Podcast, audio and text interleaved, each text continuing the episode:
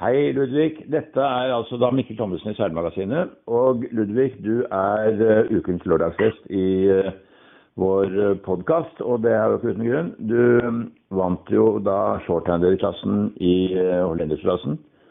Det var jo kjempebra. Men du sier, i, du sier på din Facebook-side at I am back. Men hva mener du med det? For du har aldri vært gone.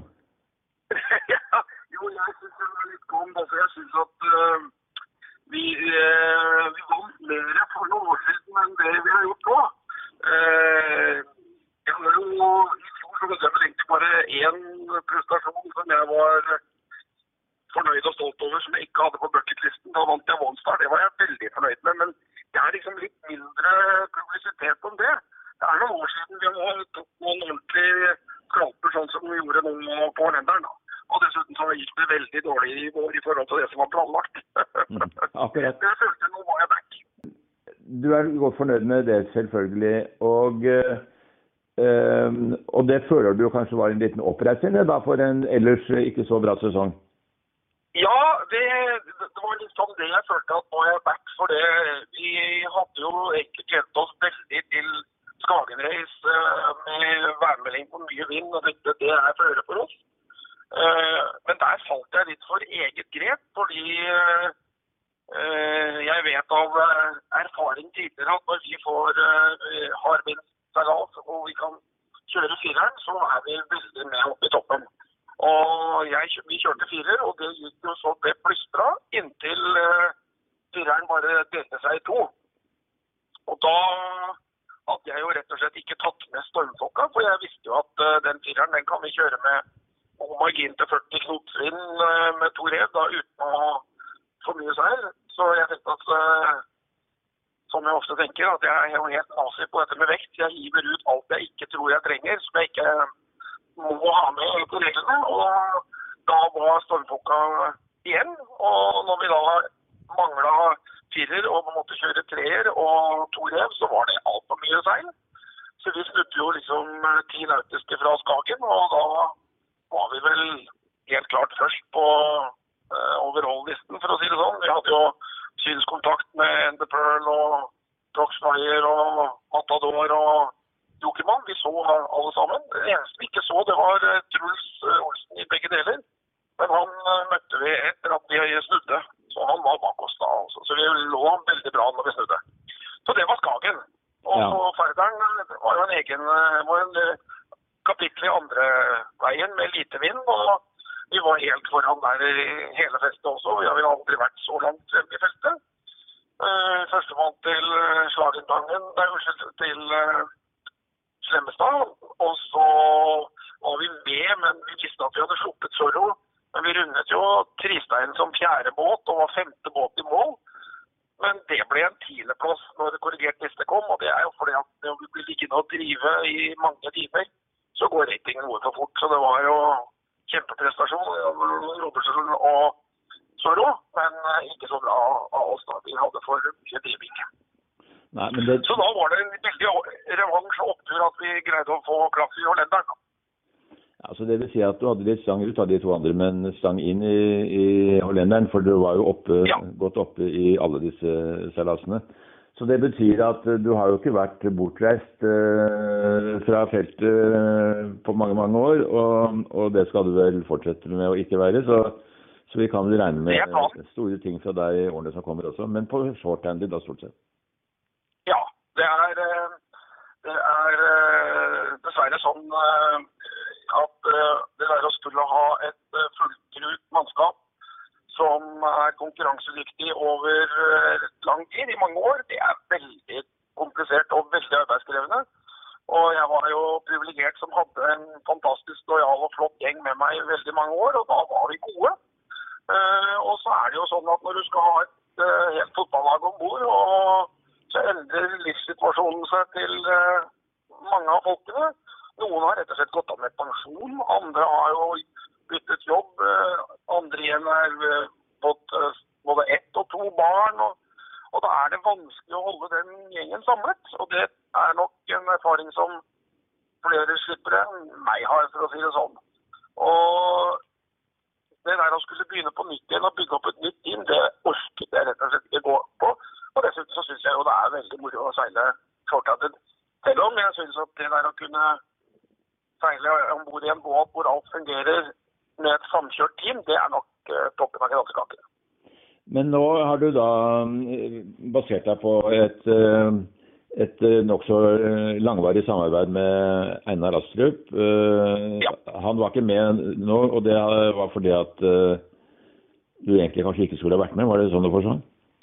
Det var helt riktig. Jeg skulle egentlig vært i et bryllup, men seillysten tok overhånd. Så jeg ombestemte meg liksom eller halvannen uke før Hollenderen og sa nei, jeg må seile. Det er gått så dårlig i vår, vi må reise kjerringa, jeg må seile. det Sånn er det bare. Og ringte Einar og sa du, vi skal seile likevel. Og, så, og da var det liksom pokker ta deg, nå jeg har gjort andre planer. og jeg har, han er en av de som har fått små barn og endret livssituasjon, så der må ting planlegges ut. og han er veldig klar på at seile skal han gjøre, men da må han ha tid på forhånd til å kunne planlegge. Og halvannen uke var altfor dårlig. Da var hans eh, bedre halvdel eh, bortreist, og han hadde barnevakt. Så da steppet uh, Bjarne Smith fra Bunnefjorden seilforening sporty opp, og det gikk jo veien. Det var kjempegøy. Han hadde aldri vært om bord før. Akkurat. Men, men, du har også seilt, ikke i egen båt, men, men i andres båt som en del av en større besetning. For du har vært med Christian von Trepka nede i Middelhavet, har du ikke det? Jo, det har jeg vært. Jeg har vært så heldig at jeg har fått lov til å være med der tre ganger. og Det er jo, det er jo en opplevelse det å få lov til å seile i Midthaven og, og uh, spise kirsebær med de store gutta, for å si det sånn. Vi, jo, vi, er jo et helamatørlag der nede som har det kjempegøy, og vi har noen gode resultater innimellom. Men å skulle konkurrere mot helproffe lag i Middelhavet på korrigert over serier, det er bare ikke mulig. Men sånn sånn. Men det er kjempegøy og bare har vært der. Og da var du navigatør, var du det? Ja, det har vært litt forskjellig. Sist uh, runde nå i Palma Vega så var jeg taktiker. Ja. ja. Og det var jo, var jo, spennende å stå bak på hekken uh, og få TV52 som passerer med bauspydet under en halvmeter bak meg, så jeg må hive meg. Jeg følte at jeg ble truffet. Måtte kaste meg vekk. Og Surya kommer i 22 knop, og vi går i 8 knop på kryssen. Og avstanden Bausbydet og meg er under en halv meter. Det var jo overkant spennende. Men ellers har du også vært innom IOD og, og kylling, men det er det ikke så mye mer av? Jo, jeg var med i Kylling-NM i år, da. Det var kjempegøy. Jeg, jeg, kjøpte jo en kylling og pusset opp og satte i stand etter alle kunstens regler. Og hadde den som et sånn mann-kone-prosjekt. Og så viste det seg det at uh, Kristin og jeg seiler veldig bra i ille moro, men i Kylling så ble det litt for tett. Og hun syntes jeg kjefta for mye, så hun ville ikke seile mer med meg. Og da tenkte jeg nei, da trenger jeg jo ikke noe kylling, for det er i juli. Så den har jeg solgt, eh, og det angrer jeg egentlig litt på, for det er jo en fantastisk morsom klasse. 50, 51 båter som vi var på linja på Hankøy i år, det er kjempegøy. Jeg seilte NM der i år, men IOD-satsingen den er uh, lagt på ubestemt is. Nå er jo IOD-ene stort sett gått til Sverige, det er ikke så mange igjen i Norge. Nei, jeg skjønner at Finn Olsen også har solgt sin båt og kjøpt seg Ekspress? Ja, det har jeg hørt, jeg også. Jeg syns det er kult at han holder koken. og det håper jeg greier å holde koken lenge, like lenge. Hva skal jeg være for? Hvor gammel er du nå, Ludvig? 30-19? Eller det er jo ingen som tror på lenger, så nei, jeg blir vel uh, 57 om en tre-fire uh, dager. Ja, på torsdag. Ja. Og fysikken den, eh, den, er på topp, sånn at du kan fortsette med å seile på dette nivået som du gjør nå? Den er på topp. Det er ikke noe problem med. Det er uh, ikke noen uh, feil med kroppen min. Den er bygd for fart og spenning fortsatt. Men du har vært flink til å velge yrke, fordi du har en jobb som gjør at du er påkrevd om vinteren, men har vel mye fri om sommeren? Det er helt korrekt. Det er jo jeg driver i alpinbransjen og har et alpinsenter som gjør at jeg har jobbet mye om vinteren. Og så har jeg fri til å kunne seile hele sommeren. Og det, er, det passer meg veldig bra, for å si det sånn. Du er vel også en ivrig turseiler, er du ikke det? Jo, jeg prøver jo å bruke båten så mye som mulig utenom regattasesongen. Så det er jo en, en jobb som må gjøres når regattasesongen er over. Da blir båten bygget om til turbåt. og det kommer inn uh, hundrevis av kilo med utstyr og rullefortak og ankervinsj og anker og alt som skal til. Og så seiler vi jo tur hele sommeren inntil regattasesongen starter igjen. Og da tar det en dag eller to å bygge om til regattabåt igjen. Det er det som er så flott med den her Bavariaen, er at det er et Columbiegg. Det er liksom uh, flere ting i Eller to båter i et skrog. Da. Det er en fantastisk turbåt når du skal på tur, og så kan du bygge den om, og da er det en om ikke fullblås racer, så er det i hvert fall en fullblås cruiseracer. Og det er jeg jo veldig betatt av det konseptet, at du kan ha to båter i ett. Ja, Så du har en Bavaria 42 Match? Det er korrekt. Og den har du hatt nå hvor lenge? 15 år? Jeg har jeg hatt i 15 år, ja. Den kjøpte jeg i 2004. Og jeg er jo strålende fornøyd med den båten. Det har jo vært mye kalabalik med dårlige kjølingstestinger og sånn, men den gang da Lundevåg uh, håndterte jo det helt eksemplarisk. Så båten er jo bygget opp etter alle kunstens regler, og nå har jeg vel, mener jeg selv, den tryggeste og beste kjøleinntestingen av noen serieprodusert båt du kan tenke deg. Den tåler alt. Absolutt alt. Ja, for det var noe tull med de båtene, husker jeg. Det var jo en båt som mistet kjølen og noen druknet nede i Middelhavet eller Kroatia eller noe sånt. og ja, og det førte til at de norske båtene de ble tatt inn, og man skiftet kjølbolter eller gjorde et eller annet for å, for å fikse Ja, det, jeg, kan, jeg kan jo snakke litt, uh, litt kritisk om Bavaria nå, for nå har jeg ikke noe bånd til dem lenger. Dette skjedde jo lenge før han uh, druknet i Kroatia. Dette startet vel egentlig med båten min. Uh, vi var med i, i første Tusdalen i 2004. Og da var det jo et forferdelig vær ned til Arendal. Uh, med det resultatet at vi revnet, eller vi fikk en revne i Storskjæret som gjorde at vi måtte bryte i Arendal.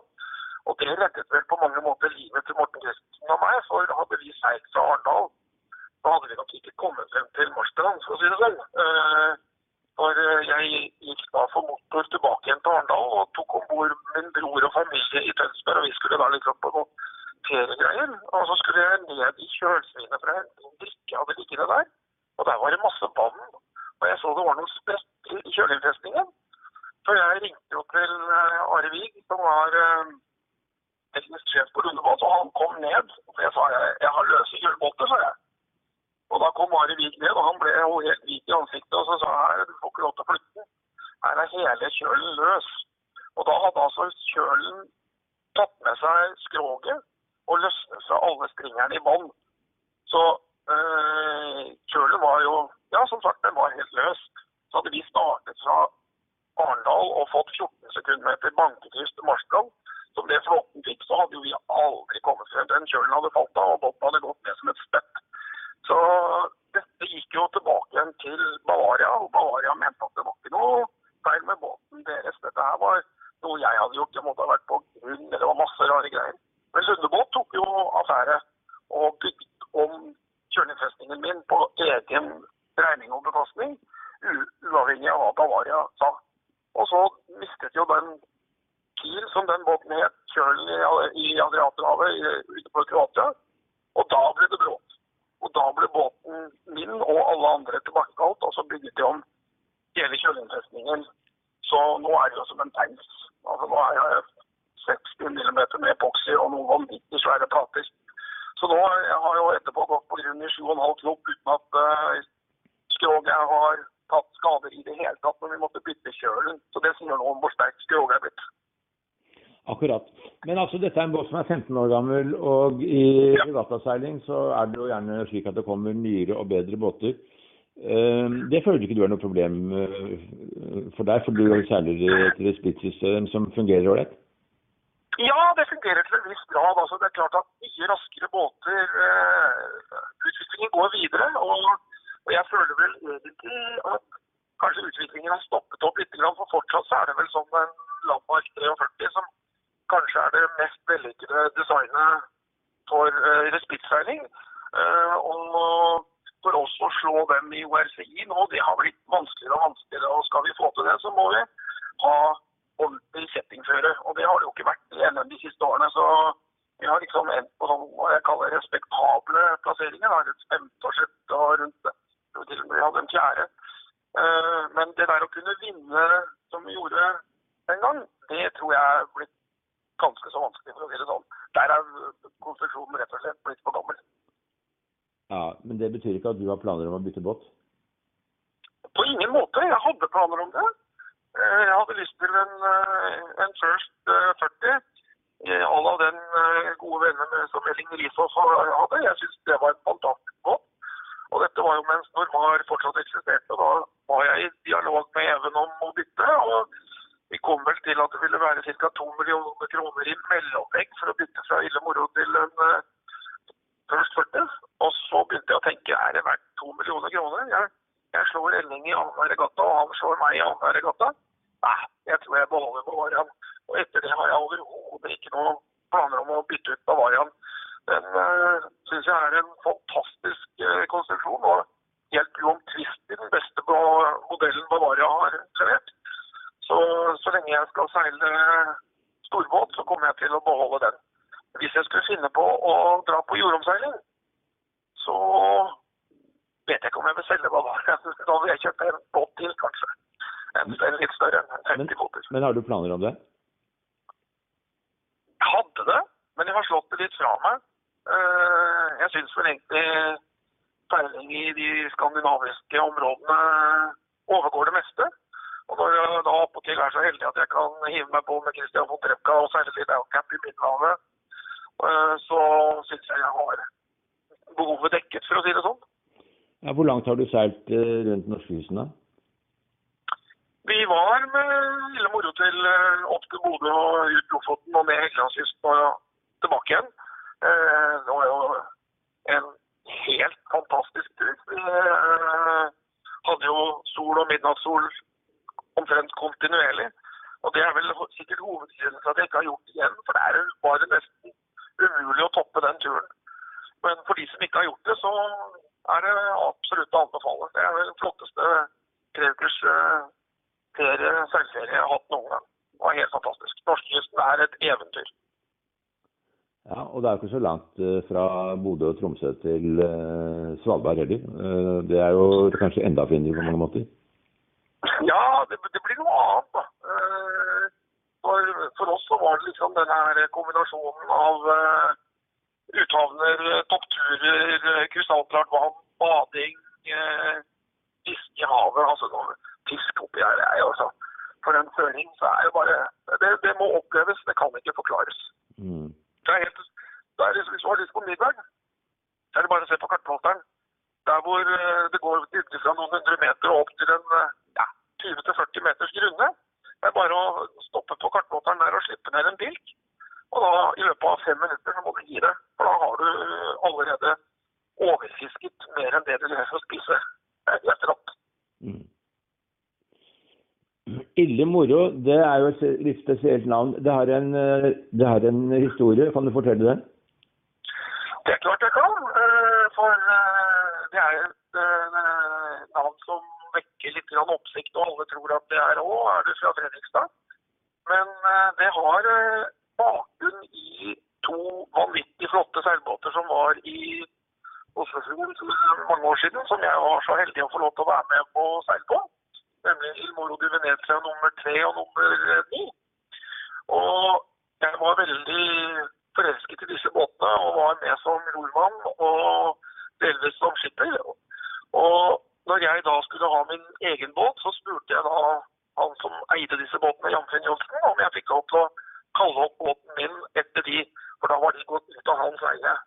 Men han hadde betalt en masse penger til Gardini-familien i Italia, så jeg het etter det navnet. Så det fikk jeg ikke lov til. Eh, Og så kom en liten ad hoc her, for før Jamfinn kvittet seg med treeren, så lå den på Fredrikstad Mekaniske Verksted.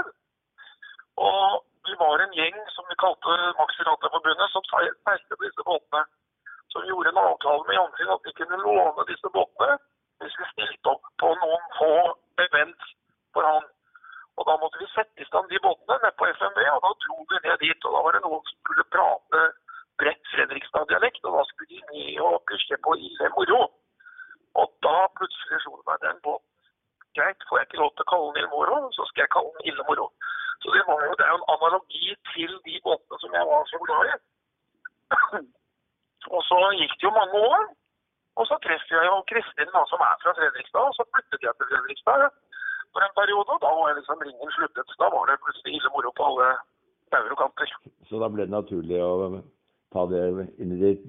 vokabular? Ja, helt riktig. Så det er jo Jeg hørte også noen andre båter som heter Lillemoro, så det er liksom blitt mitt navn. Jeg hadde jo Den killingen jeg hadde, den var Lillemor, Og så har jeg jo jolla at jeg er Gummimoro. Så det, det, kommer til å henge ved meg.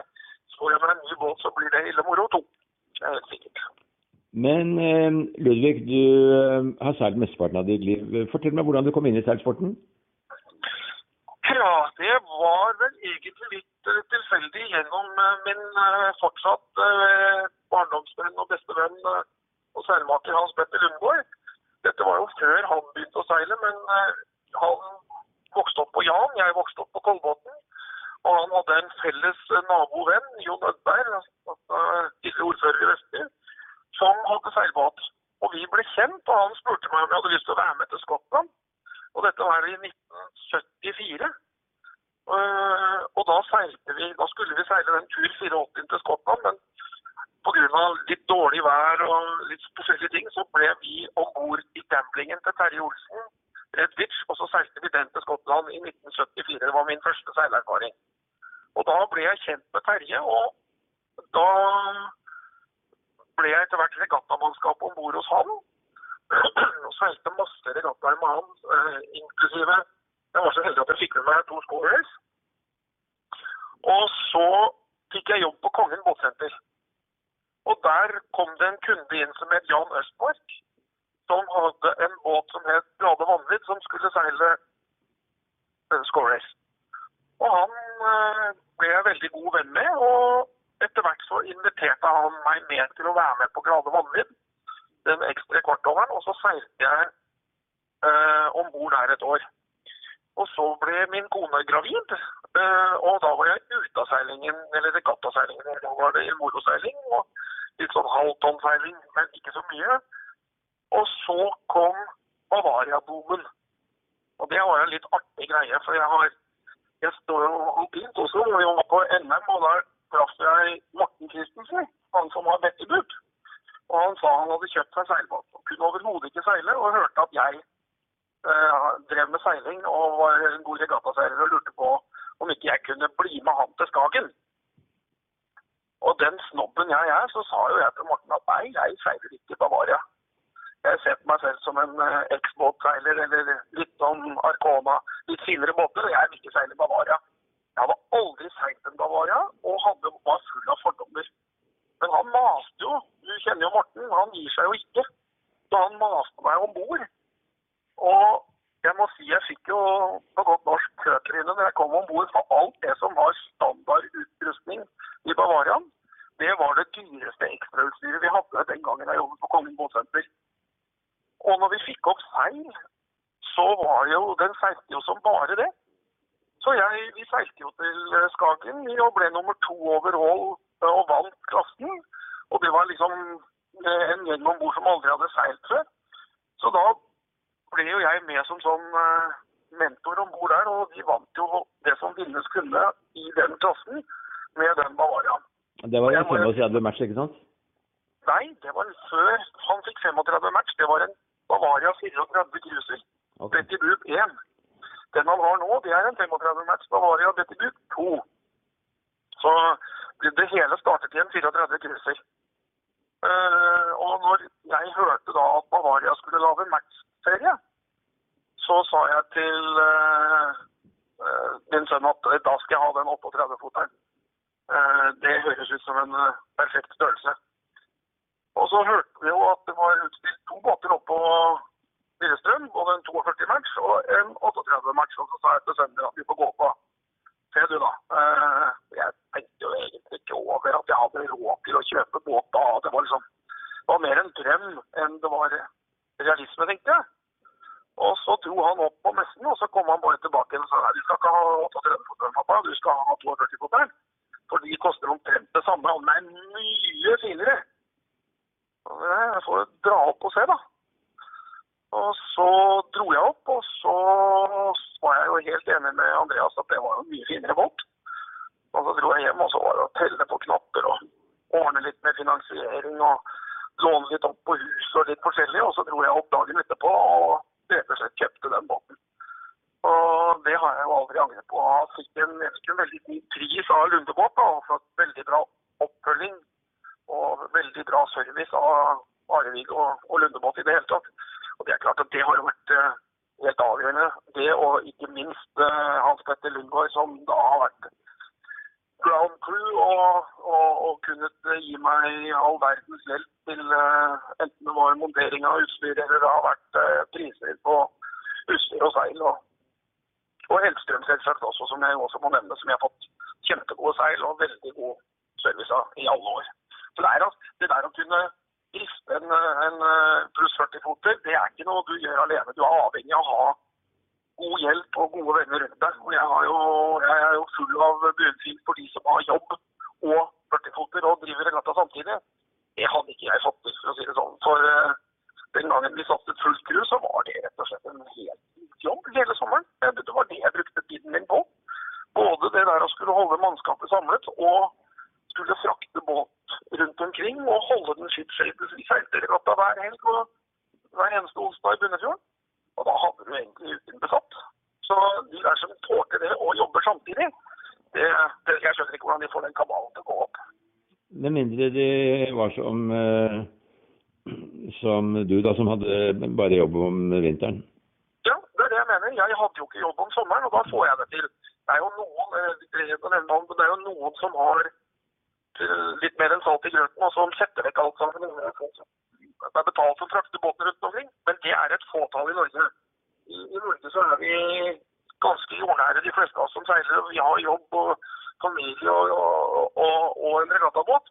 Og det der å, da, å, få tid til å drive med seiling og skal få resten av sitt sosiale liv til å gå gå opp den kabalen, det er, eh, ja, det er rett og slett et stykke. Og derav er nok hovedgrunnen til at vi har en, en avskalling og en lite rekruttering av nye folk. Da. Det er at det er rett og slett det er for tidkrevende, og i tillegg til at det er veldig kostbart. Da. Du må, du, du må ha en veldig person for det. så Alt du har av midler, går jo der. Og så må du bruke veldig mye tid.